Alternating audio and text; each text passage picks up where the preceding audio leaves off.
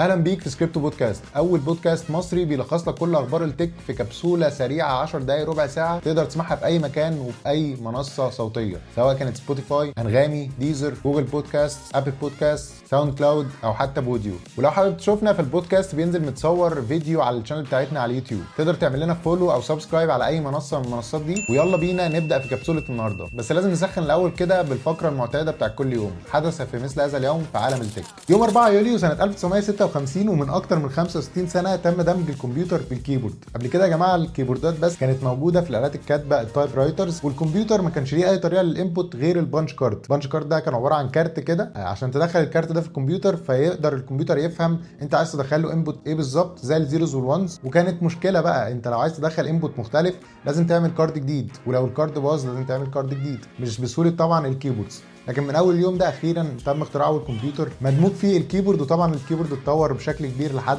ما وصل للشكل الحالي اللي إحنا بنشوفه. تاني حدث يوم 3 يوليو سنة 69 من أكتر من 50 سنة تم اختراع أول شبكة إنترنت في العالم. قبل اليوم ده ما كانش في حاجة اسمها نوصل computers ببعض و computers تبعت ل computers ثانية files عادي جدا زي النت اللي إحنا بنشوفه دلوقتي. الموضوع ساعتها اتصمم مخصوص عشان لو جه كمبيوتر يحل مشكلة وما قدرش يستعين بكمبيوتر تاني والكمبيوتر التاني لو ما قدرش برضه يعالج ال processing اللي محتاجة المشكلة دي يستعين بكمبيوتر ثالث. وبعد كده طبعا الانترنت اتطور لحد الانترنت اللي إحنا عايشينه دلوقتي. تخيلوا معايا إحساس الناس اللي اشتغلت على أول network في التاريخ دي لو شافوا ال metaverse وال NFTs وال... والله إحنا أسأنا استخدام الانترنت. الميزة الوحيدة في الانترنت هي ال memes. قبل ما اتنقل بقى فقرة الأخبار حابب أقول لكل الناس اللي بتتفرج كل سنة وأنتم طيبين بمناسبة العيد عشان المفروض الفيديو ده هينزل يوم 9 هيبقى أول يوم في العيد فكل سنة وأنتم طيبين. عيد سعيد عيد مبارك عيد جميل عيد لذيذ. أنتوا عارفين بقى الأعياد والمناسبات والحاجات دي الواحد بيبقى مكتئب فالنهارده الليلة عيد ولع فيهم زي ال weed. She loves me عشان وسيم she loves doing cocaine هو بيقول كده مش أنا. She loves doing cocaine. She loves me عشان وسيم. عارفة إني ماليش بديل يا. المهم خلينا ندخل بقى على فقرة الأخبار. والمفروض إن إحنا بنبدأ بالأخبار اللي هي اللذيذة الحلوة بس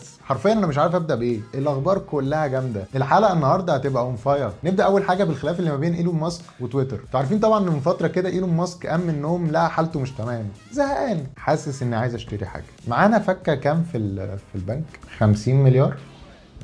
اشتري أنا ليه ما عنديش ال social media بتاعتي فكر إن هو يشتري تويتر ب 44 مليار. وطبعا من أول يوم ال deal ده اتعرف فيه وهو في مشاكل. شوية يتخانقوا وشويه يتصالحوا وشويه بنود العقد. آخر مشكلة بقى فصلان. إيلون ماسك حس إن هو ورط نفسه. يعني مش عشان يوم زهق واكتئاب نعمل كده. عمك إيلون حس إن هو اتسرع حبتين وقال لك أنا هتخانق. دلوقتي هنعمل لقطة كده ونعمل نمرة يعني في المجال. يلا. يلا. وقال لمجلس إدارة تويتر اسمع يا مجتمع. أنتوا ال social media مش تمام. ونص ال accounts دي fake أصلا وفي spam كتير وما عندكوش freedom of speech حرية تعبير وبقى وبدأ يتكلم كده بنغمة النغمة اللي بتحبها تويتر دي. ومشي بمبدأ إن ما لقيتش عيب في القمر قول له يا أبيض باين. حاجة زي كده. كان ورد وأحمر؟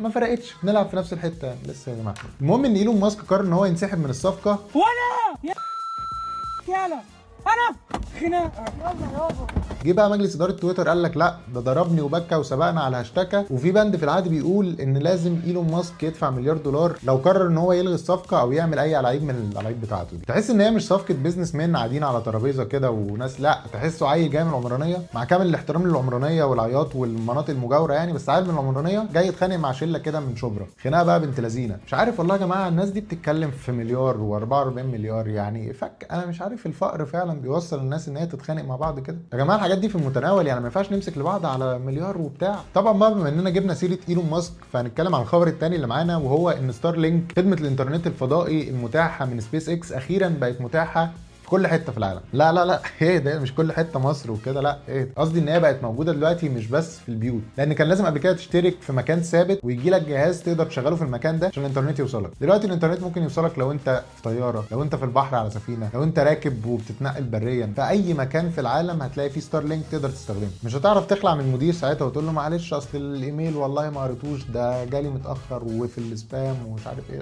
مالكش حجة. الإنترنت بعد كده معاك في كل حتة بقى. طيارات سفن بحر لو داخل جبل. الخبر الثالث بقى اللي معانا النهارده هو الصراحة من أخباري المفضلة في الحلقة دي وهي قصص سرية من داخل شركة أبل من 15 سنة. زي ما قلنا إن شركة أبل بتحتفل بأول آيفون أطلقته من 15 سنة الآيفون اللي غير مفهوم التليفون عند الناس كلها. فعملوا meeting لذيذ كده بقى مع ناس كانت شغالة في الشركة من 15 سنة وسألوهم بقى عن اللي حصل وقتها وبتاع. ففي واحد طلع قال لك إن شركة أبل ما كانتش متوقعة التأثير الكبير اللي هيعمله الآيفون في الناس لدرجة إن هم ما كانوش متخيلين إن الموظفين بتوع أبل نفسهم يستخدموا الآيفون. ولكن ده اتغير بعد ما شافوا إزاي الموظفين داخل الشركة غيروا ثقافة الشركة بان هم بقى يتعاملوا بالايفون ويتواصلوا بيه طول النهار. ساعتها بس حسوا فعلا بالتأثير اللي الايفون عمله في الناس. وصاحبه أكد على الكلام ده وقال إن إحنا لما جينا نعمل launch لل App Store ال store اللي عليه كل ال applications كنا متوقعين إن يبقى فيه maximum 500 application 500 application لكل واحد يقدر ينزلهم على موبايله وتبقى رضا. يعني كان مستحيل أتوقع إن حد يستخدم أكتر من 500 application لكن اتفاجئوا إن الرقم ده ولا حاجة جنب ال 25000 application اللي اتعمل لهم submit كل أسبوع. كان في أكتر من 25000 application مستنيين إن ابل يعملوا review لل applications دي عشان تنزل على ال App Store اسبوعيا. The App Store launched, Apple actually expected maybe 500 apps. By April, we were at 25,000 apps per week. وضحكوا بقى ضحكة موظفين كده.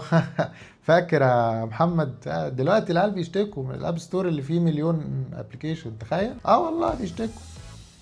حاجة يعني شباب شباب. تالت قصه بقى الصراحة هي اللي interesting جدا جدا. المهندس اللي كان شغال على ال in-app purchase الحاجات اللي انت بتشتريها وانت بتستخدم application معين أو لعبة معينة زي ال skins وال packs والحاجات اللي بتشتريها من ال application نفسه كان شغال على النظام ده ويطوره عشان يقدر يخلي الناس تساعد المطورين بان هم يشتروا حاجات في ال application وبكده المطورين يقدروا يطوروا البرنامج. في نفس الوقت ابل تاخد نسبة من المطور ده قصاد إن هو بيحط ال application بتاعه على ال App Store طبعا المهندس بقى كان عامل إنجاز فاهم in-app purchase وبتاع وكانش موجود في ال smartphone قبل كده. المهم إن هو كان عنده بنوتة صغيرة كده بتلعب games على الموبايل على طول وبتاع. فاتفاجئ آخر الشهر بقى وهو بيقرأ ال bank statement كده اللي فيه ال transactions اللي حصلت والحاجات اللي اتدفعت والفواتير وبتاع لقى فاتورة لشركة ابل ب 500 دولار من موبايل بنته فلو أنت متخيل تبقى شغال وطلعنا عينك وبتاخد من الشركة مرتب عشان تصرف على أولادك ولادك يرجعوه الشركة تاني. عادي جدا. ساعتها حس إن هو غلط غلطة كبيرة جدا ومن ساعتها عمل ال milk rule اللي موجودة في ال App Store. إن أنت دلوقتي لو حاولت تشتري أي application أو تعمل أي in-app purchase لازم يطلب منك ال Face ID أو ال Touch ID أو حتى ال password عشان يتأكد فعلا إن أنت عايز تشتري الحاجة دي. اللي اتلسع بقى يا باشا ما ينفخش في ال... إيه إيه موضوع الأمثال بتاع النهارده ده؟ والله يا جماعة اكتبوا لنا تحت في ال comments أمثال أنتوا بس اللي بتقولوها مثلا. ولو بتسمعنا على سبوتيفاي أو أنغامي أو أي منصة صوتية اعمل لنا like وأنا هعتبرك كتبت مثل يعني تمام. معانا بقى خبر من انستجرام وآدم مسيري ال CEO بتاع انستجرام صحي من النوم فجأة بص على موبايله لقى application اسمه تيك توك قال لك إيه ده؟ إيه ال application ده؟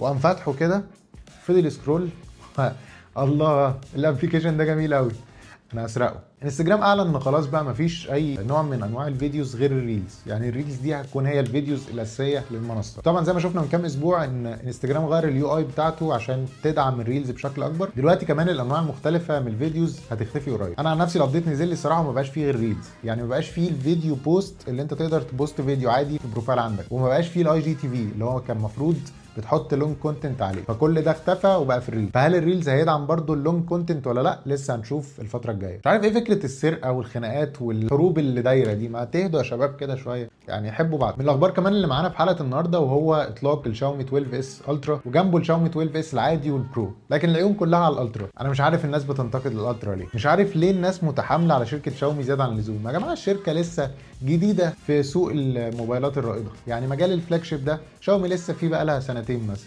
ال Mi 11 Ultra السنة اللي فاتت وال Mi 12 S Ultra السنة دي. فهي لسه كده بتقول إيه؟ بسم الله وبتبدأ وبتتعلم من غلطاتها يعني. فمش عارف ليه الناس بتهاجم شاومي اللي هو لأ عمرها ما هتبقى أبل وعمرها ما هتبقى سامسونج ومش عارف إيه. ادوا لها فرصة يا جماعة الموبايل جامد جدا.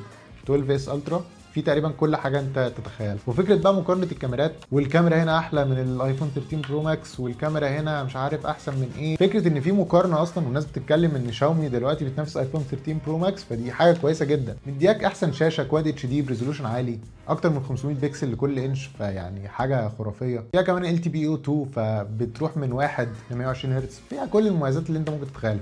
الكاميرات على أعلى مستوى تقارن بال S 22 Ultra وتقارن كمان بال iPhone 13 Pro Max فأنت بتتكلم top level top tier فعلا في الكاميرات. بالتعاون مع Leica و Sony عشان يقدموا لك أول sensor 1 انش فكرة بقى إن هم ما بيستخدموش ال1 انش كامل أو يستخدموا ال1 انش كامل صدقني ده بره النقاش أصلا. يعني هي حاليا دلوقتي أكبر شركة بتقدم أكبر sensor في العالم في smartphone فأنت إن أنت تقلل من الإنجاز ده دي حاجة سيئة جدا الصراحة. ال stereo speaker برده ممتازة بالتعاون مع Harman Kardon IP 68 مضاد للمية والأتربة. في تقريبا كل الحاجات اللي أنت ممكن تتخيلها. ممكن ممكن بس تعليق بسيط يكون بس في الإيه في سهوله الاستخدام ال UI وال UX الحاجات بقى الإيه محتاجة فعلا وقت عشان تدرسها وتطلع حاجة كويسة. ومحتاجة كمان من ال users الصبر في إن هم يتعودوا ال users عايزين إيه وبعد كده يبدأوا ينفذوه وأنا الصراحة من الناس اللي بتحب ال MIUI يعني الواجهه بتاعت شاومي من الواجهات المميزة الصراحة. بس وخلينا نتكلم عن موبايل تاني برضو اتكلمنا عليه الحلقة اللي فاتت ولكن هنكمل تسريبات الحلقة دي وهو ال Nothing Phone 1 Nothing Phone 1 أخيرا في تسريبات إن سعره هيكون في حدود 400 دولار 500 دولار.